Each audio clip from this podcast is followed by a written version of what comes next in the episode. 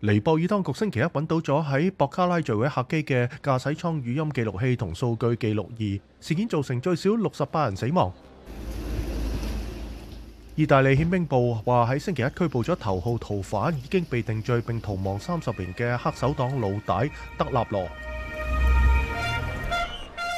秘鲁首都利马同其他地区重新进入紧急状态。最近几个礼拜嘅骚乱已经造成最少四十二人死亡。反对派动员群众喺首都聚集，几千人星期一黎明前喺希腊大都会大教堂外排队悼念希腊最后一位国王君士坦丁。氣候活動人士星期一早上封鎖咗抵達世界經濟論壇嘅與會者使用嘅私人機場，佢哋指富豪需要對氣候同生態破壞負責。